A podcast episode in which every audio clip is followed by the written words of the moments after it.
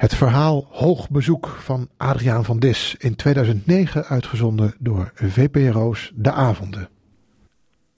Het was in de nadagen van de Poolse paus. Voor het slapen had ik hem op het late journaal gezien. Een kwijlende oude man, hangend aan zijn staf. Niet in staat om zonder hulp de mis te lezen. Opstandig leek hij, maar taai van geest. Niet van plan aan zijn kwijnend lichaam toe te geven... Hij sprak een groep jongeren toe. Uit de ondertiteling bleek dat hij van plan was een nieuwe reis te aanvaarden. Een aardse, geen hemelse. De kerkklokken sloegen twaalf uur. Eerst het lichte carillon van een van de kloosters uit de buurt. Daarna het zware gebeier van de Saint-Sulpice. Een trilling die ik tot onder mijn lakens voelde. Mijn slaapkamer keek uit op de twee torens van de Saint-Sulpice... Hun silhouet was mij zo vertrouwd dat ik ze vaak als twee donkere vrienden toesprak. Bij de Angelus moedigden hun klokken me aan. Maar kon ook op ze schelden als ze zich bij een begrafenis of huwelijk te buiten gingen. Ze hadden de stopverf en de sponningen losgetrild. En er waren al een paar stukken patisserie uit het rijke stukwerk... van het slaapkamerplafond naar beneden gekomen. Een pruim en de vleugel van een cherubijn. Ik had hem een hospita over aangesproken, maar zij zag in de scheuren een zegen. Al eeuwen sloegen de klokken van de Saint-Sulpice tegen haar huis. De geluidstrillingen verjoegen kakkerlak en boktor, zei ze. Als de Saint-Sulpice zou zwijgen, liep haar huis pas echt gevaar. Ook die nacht fluisterde ik hem wel trusten tot mijn torens. Een groet waar ik altijd prima op insliep. Het was nog donker toen de telefoon ging. In mijn slaapkamer waar geen telefoon staat. Ik nam op. Een stem met een vreemd accent vroeg of het bezoek deze morgen schikte. Bezoek? Welk bezoek? De hoge delegatie uit Vaticaanstad, zei de stem. Verkeerd nummer, zei ik, en verbrak het contact. Maar de stem belde terug. Vroeg of het adres klopte en het uitzicht. De torens, u woont toch achter de Saint-Sulpice? Hoezo? Waarom wilt u dat weten? Geen uitleg, geen antwoord. Gekraak. Alleen nog de vraag of de code van de buitendeur inderdaad 2854, 28a, 54 was. Ik trok het laken over mijn hoofd, liet een wind... en draaide me om als een logbeest in een circustent. Ik sliep weer in, tot opnieuw een bel ging. De deur dit keer. Aarzelend eerst en daarna luider. De zon kierde door de luiken na een koude regenweek belooft het een wolkeloze dag te worden. Maar ik liet het licht niet tot me doordringen en kneep mijn ogen stijf dicht. Ik had lang geslapen, te lang voor me doen. Zeker negen, tien uur, dwars door de kerkklokken heen. Dit was me nog niet eerder overkomen. Misschien was het de wijn die ik gisteravond in mijn eentje had gedronken. Een veel te zware Bordeaux. Ik hoorde stemmen, een bons. Ik stond op, schoot mijn kamerjas aan en slofte naar de deur. Het duurde even voor het tafereel op de mat tot me doordrong. Twee vlezige ronde gezichten, een en al glimlach boven witte ronde boorden. Verklede mannen, met purperen vierkantige muts op hun hoofd... in karmozijnen mantels, afgezet met glanzende koorden.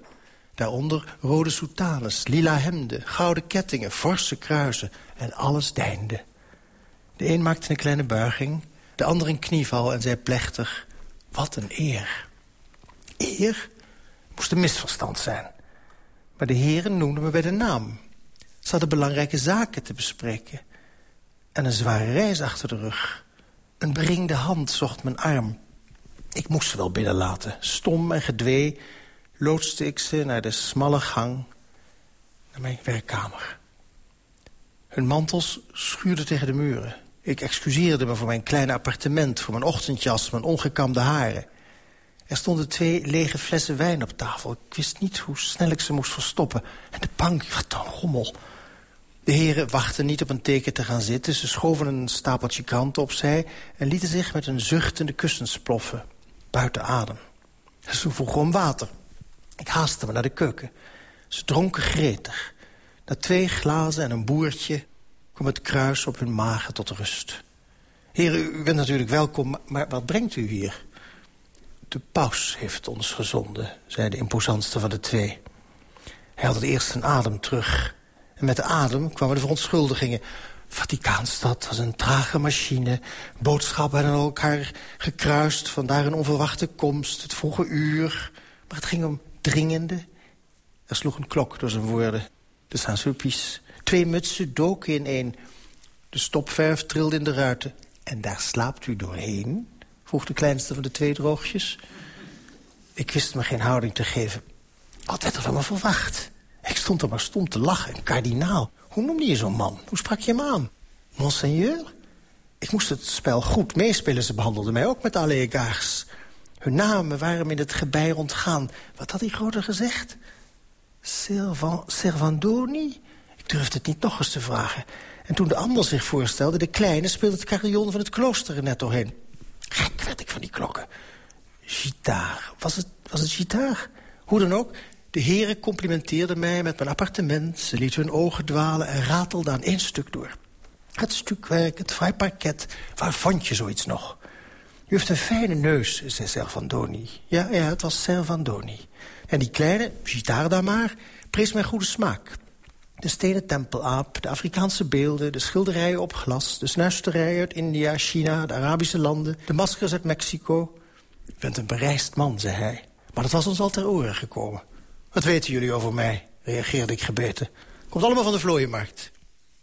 Gitaar schikte zijn mantel, beduust van zoveel achterdocht. Hij zat niet gemakkelijk, de kleine kardinaal. Iets plaagde hem. Hij, hij sjorde aan zijn soutane, wiebelde, draaide, graaide... en trok een paar vuile sokken onder zijn bil vandaan. Er viel een pijnlijke stilte. Het weer schoot de hulp. De zon kaatste op de witte torens van de Saint-Sulpice en danste de kamer binnen. Daar gingen de heren eens goed voor zitten. Wat een onverwachte wijsheid, zo midden in Parijs. Hoe fraai die schittering op de grijze leien. Ze prezen het lijnenspel van de daken en kapellen... de strenge 17e-eeuwse bouw, de galmgaten van de torens... de timpanen, de kantelen, de ronding aan de top. Ik hoorde het welwillend aan en trok een stoel bij... om hen naar de schoorstenen te wijzen. Soms tel ik wel honderd. Kijk, er zijn er met bekken en snuiten. Ik wees naar alles wat uitstak. Ik praat met dat uitzicht. Servandoni greep me bij de pols. Dat is de kracht van de kijk. Ach nee, de kracht van het licht. Kijk, eminenties. Ja, verdomd, zo noemde je die kerels. Eminenties.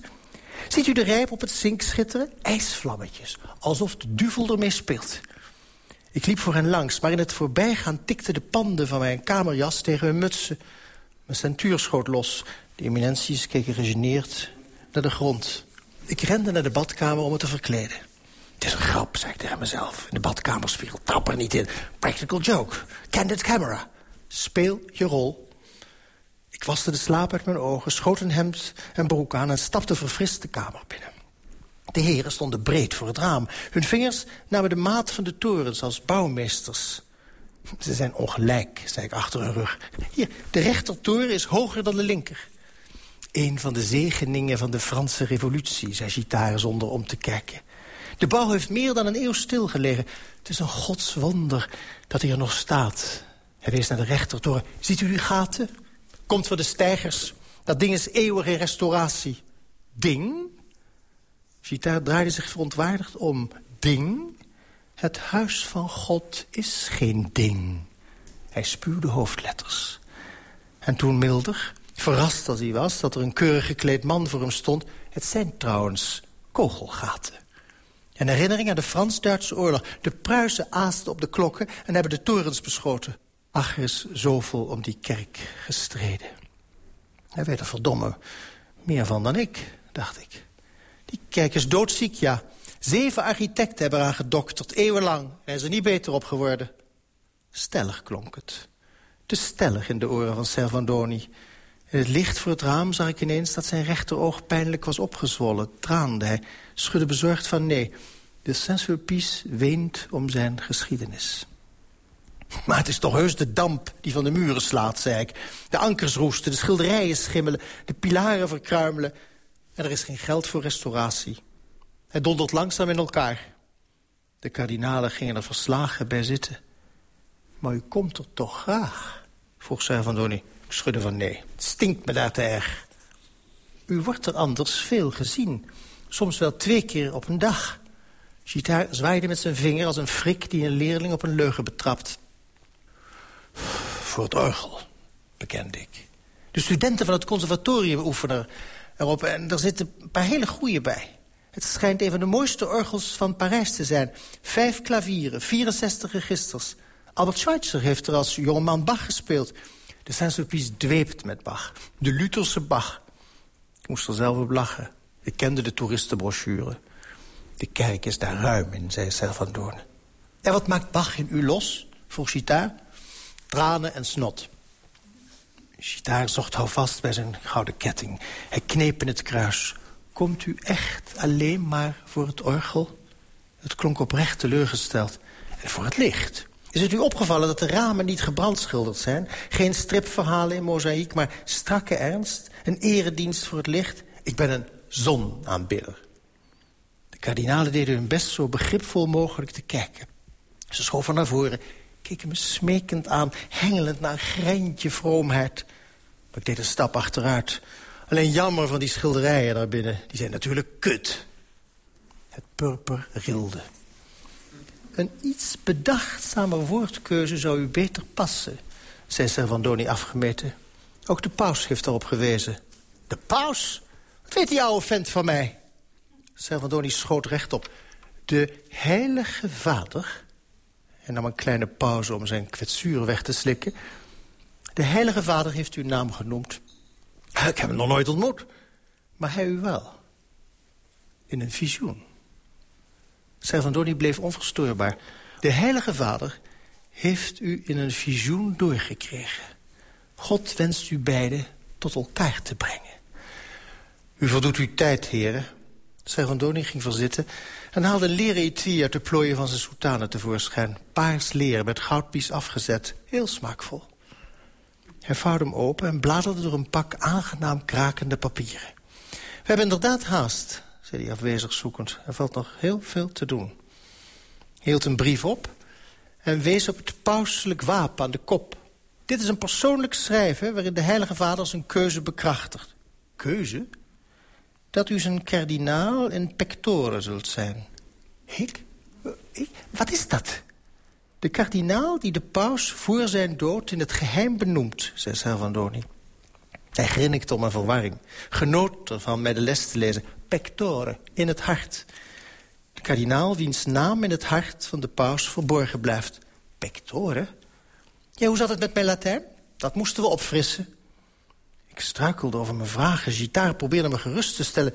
De kardinaal in pectore is bij uitstek iemand... die het geloof in een vijandige omgeving heeft hooggehouden. Vaak met het gevaar voor eigen leven. Vandaar dat zijn naam geheim moet blijven. Vroeger was het iemand uit een land waar het geloof niet beleden mocht worden. Maar die landen zijn er nauwelijks nog. Nu hebben we andere voorbeelden nodig. Iemand die de wereld kent. Die door het vuil is aangeraakt en toch hunkert naar zuiverheid. Een bruggenbouwer. Dit keer viel de keus op u. Gods wegen zijn ondoorgrondelijk, zei Servandoni. Ik voelde de warme adem van zijn zucht. Maar dat is, dat is, zo mogelijk. Ik ben niet eens katholiek. Wat is een formaliteit, zei Servandoni. Er stond een team van leraren voor me klaar. Ik zou in no time... Ja, no time, zei hij. Heel daadkrachtig en modern klonk het. Ik zou in no time worden gebriefd. Kijkgeschiedenis, bijbelkennis, liturgische vaardigheden, you name it. Alles was in gereedheid gebracht. Er lag een strak programma voor me klaar. U krijgt de beste repetitoren. Vanmiddag kunt u beginnen. Vanmiddag? Maar ik geloof niet in God. Ik zei het ferm, maar vriendelijk. Al waren het vast en zeker ingehuurde acteurs... hun ouderdom dwong toch respect af. Ik vrees dat u de verkeerde voor zich heeft. Hier schuilt hierover is een klooster. Misschien moet u daar. Servandoni maakte een afwerend gebaar. De heilige vader vergist zich niet. Hij kreeg dit adres door, uw naam, uw telefoonnummer, uw doopseel. Ik ben helemaal niet gedoopt. Vanmiddag, zei Gita. Ik sprong overeind. Over mijn lijk. De kardinale deinsde terug in de bank. Ik zocht wat oude kranten bij elkaar. Schoof met de voet een persisch kleedje recht. Opruimen helpt bij drift. Ze speelden het goed, die oude heren. U gelooft dat u niet gelooft, zei Servandoni. Ik weet het zeker. Dan bent u een gelovig man. Ja, tegen zulke logica kon ik niet op. U verliet boos de kamer. U kunt er niet voor weglopen, riep Servandoni me na. Ik stak mijn hoofd om de deur. Uw god is een vrede sadist. Ik spuurde een paar sappige vloeken de kamer in... en stampvoeten luid op de gang. Ik geloof niet in de hel, niet in de hemel, niet in de heilige drie-eenheid... niet in de onbevlekte ontvangenis. En die paus vind ik een griezel. Hier waren we voor gewaarschuwd, hoorde ik Servandoni zeggen. De geest van de blasfemie, fluisterde Gitaar.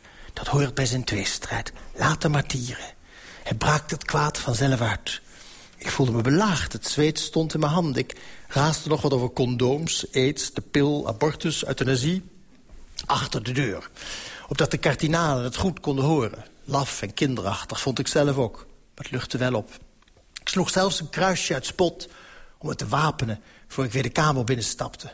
De mop had lang genoeg geduurd. Eminenties, ik vond het woord weer, met hoofdletters en al.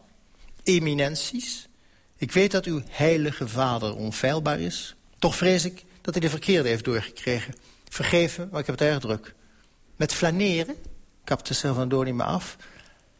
Maar in al uw ledigheid zoekt u ook vervulling. We weten dat u vrijwel alle kerken van Parijs bent binnengegaan. En niet alleen uit bewondering voor de geschiedenis en architectuur.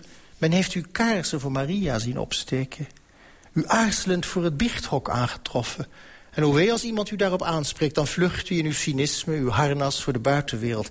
Maar dat spel hoeft u voor ons niet te spelen. We zijn veilig onder elkaar. Hun konten wrikten zich vast op de bank. Ik had er even niet van terug. Het wordt tijd om voor uw geloof uit te komen, zelfs de gitaar. Ze begrepen mijn twijfel. Ik twijfel helemaal niet. De klokken van de Saint-Sulpice donderden tegen de ruiten. Elf slagen. Maar dit keer gaven ze de stemmen van de kardinale kracht. Hun woorden hamerden in mijn hoofd. Geef u over. Maak u klein om te groeien. U bent uitverkoren. De kloosterklokken herhaalden het zacht. Uitverkoren, uitverkoren. Ik gilde. Ik was bang, zeiden ze, en dat was begrijpelijk. Er was moed voor nodig. Maar ik mocht dit verzoek niet weigeren. Ik kon een wegbereider worden. Cynici wijs op een ander perspectief dan materialisme en consumentisme. Ik sprak de taal van de cynici, kende hun media... en zou duizenden over de streep kunnen trekken, miljoenen. Mensen hebben behoefte aan een vormend ideaal... aan iets dat groter is dan zijzelf. Godsdienst vervult die rol, zei Servandoni. Geef toe aan dat verlangen. Hij legde zijn hand op mijn knie. Primitieve verlangens, briest ik. God is een verzinsel. Je kunt elke achterlijkheid tot godsdienst verheffen. Vadermoord, eerwraak, veelwijverij. Ja, zelfs incest was in bepaalde culturen een deugd. En weer andere volken zagen cannibalistische rituelen... als een ethische en religieuze plicht. De restanten zien we nog in jullie kerk. Het drinken van wijn dat voor bloed staat... en het eten van brood, het lichaam van Christus. U weet wat de grote encyclopedist Diderot over uw geloof heeft geschreven. Katholicisme zie onder cannibalisme. De heren doken in elkaar. Ik deed ze pijn. En of het nou speelde of niet, het beviel me. Ik zei het, ja. En toch? Ik dacht onderwijl ook aan iets anders. Een stille tweede stem in mij. Hm. Zou het na eeuwen van moord en doodslag niet mooi zijn... als we een hogere wet konden gehoorzamen? Een wet, een, opgelegde moraal, boven landswetten verheven... waar de meerderheid geen laatste woord over heeft... wat die fundamenteel is voor de toekomst van onze beschaving. Een wet met één simpele boodschap. Mensen dienen elkaar in waardigheid te laten. Het stadium van volkerenmoord, martelen, slavernij, discriminatie... zou achter ons moeten liggen. Het is niet ideaal natuurlijk, ontsproot aan de menselijke geest. Noem het irrationeel, heilig mijn part. Hoe mooi zou het niet zijn als de mens zichzelf kon verbeteren, zei ik hardop. Als we de evolutie naar onze hand konden zetten. We zouden ons moeten herscheppen, onze haat en liefde omsmeden. Als God. En ik geloof dat het kan. We hebben inderdaad behoefte aan liefde, zei Gitaar zacht. Liefde, zei ik, ik smacht erna. Maar liefde is bij u lijden, lijden en pijn. Daarin zwelgt de kerk. En verraad. Jezus had een verrader nodig om zelf heilig te worden. Als Jezus een beetje moed had gehad... zou hij zichzelf aan de Romeinen hebben overgeleverd. Maar hij had een Judas nodig. Een verrader, een slecht mens, zodat hij nog heiliger kan worden. Ik hou niet van het gehang aan het kruis, aanbidding van lijden. Jullie dragen een martelwerktuig om je nek, knielen voor wonden. Waarom zijn jullie zo gek op pijn, op tranen en bloed? Wat een wansmaak. Aanbid het leven, Niet het eeuwige, dat is me te makkelijk. Zet je voorin dat alle arme sloebers een behoorlijk leven op aarde hebben. Voor zo'n kerk ben ik te porren. Maar scheep ons niet af met een hemel om de hel op aarde draaglijk te maken. Ik wond me op, hoorde me praten. Ik zag mezelf buiten mezelf. En ik dwaalde weg op mijn woorden. Weet die ouwe dat ik er eens flink de bezem door zal halen? Goed zo, zei Servandoni. U groeit al in uw rol. De zon kroop de kamer binnen. Ik had behoefte aan frisse lucht en opende raam. In de stilte tussen de voorbijkomende auto's... hoorde de Visconti-fontein tegenover de Saint-Sulpice de kamer in klateren. Koel klonk het, maar de wind was warm voor de tijd van het jaar. Servandoni liet zijn papieren op schoot rusten. De heren zagen er eens moe uit. Het vroege opstaan had zijn tol gevraagd. Die arme man heeft geen idee wat hij met mij in huis haalt, zei ik. Ik neuk erop los. Ze lachte schamper. U bluft, daar. U bent deugdzamer dan u denkt. Uit wanhoop, ja. Maar vroeger, zeventien keer een druiper. Vroeger is voorbij, viel Savandoni uit. Wij kennen uw leven, uw verleden. We hebben alles gelezen. Hij tikte op zijn etui. Er wacht u alleen nog maar toekomst. Een verheven, schuldloze toekomst. Maar ik ben tegen het celibaat, voor abortus en voorboedsmiddelen... tegen een kerk die half Afrika aan aids laat sterven. Ze reageerden niet, ze zaten gewoon in het zonnetje te soezen. U zit er net zo wakker bij als uw versteende collega's... bij de Visconti-fontein, zei ik. Dat zijn geen kardinalen, zijn gitaargaperig, maar bisschoppen. Ze zijn nooit met het purper omhangen, zoals u. De kleur van heersers. Verf verkregen uit formale huisjeslak, zei Salvandoni. De kerk tooit zich eenvoudiger dan u denkt. Hij stoot de gitaar aan en hees hem op uit de bank. Wees nederig. Wees als een slak. Aanvaard uw last en trek een glanzend spoor. Ze spreidden hun armen breed uit en zegenden me. Ik wou lachen, maar ik kwam geen geluid. Ik wou een vuist maken, maar mijn spieren verslapten. Ik wou vloeken, maar zei meer zoete dingen.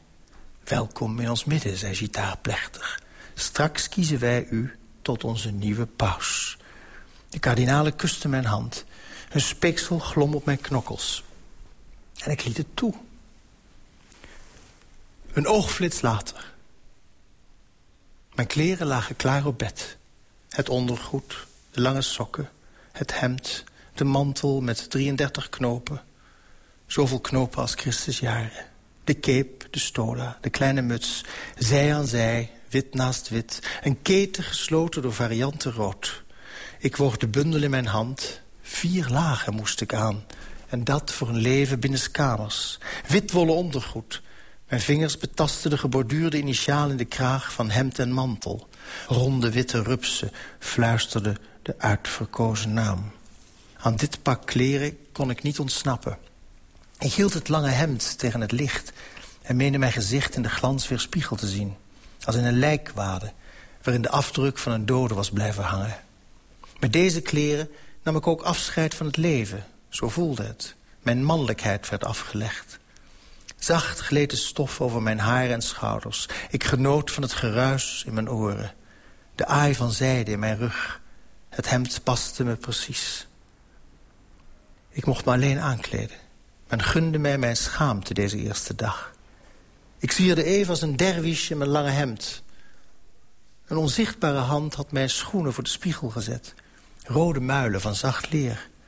Frivol voor het oog, maar eenmaal aan mijn voeten doodernstig. Ze zaten als gegoten. Wie wist mijn maat? Had iemand mij met de centimeter in mijn slaap beslopen? De zolen waren van onder met schuurpapier bekrast. Hoe zorgzaam. Zo vond ik beter houvast op de kleden en het marmer. De mantel leek zwaar, maar viel wonderlijk licht. De knopen vlochten zich soepel in de stof. De mouwen waren niet te lang, de lengte net boven de schoenen. Ik ging voor de spiegel staan, schoof de kalot op mijn kruin... en kon een kleine glimlach niet onderdrukken. Daarna gespte ik de karmozijnen cape vast, liep een stukje... trok de voering recht en voelde het zachte klappen van mantel en hemd tegen mijn kaarten... Ik oefende een nieuwe pas. Plechtiger. Er werd op de deur geklopt. Het cortège wachtte op de gang. Ik hoefde niet alleen naar de zaal te lopen. Zou ik ooit nog alleen over een gang kunnen gaan? Mij onttrekken aan het oog van camera's, bewakers, mannen in uniform? En dan de mensen die buiten op mij wachten. Ik hoorde ze rumoeren, klappen. Ook aan hun ogen zou ik me nooit meer kunnen onttrekken. Nog één kledingstuk en dan was ik klaar. De stola. Het borduursel lag zwaar op mijn hart.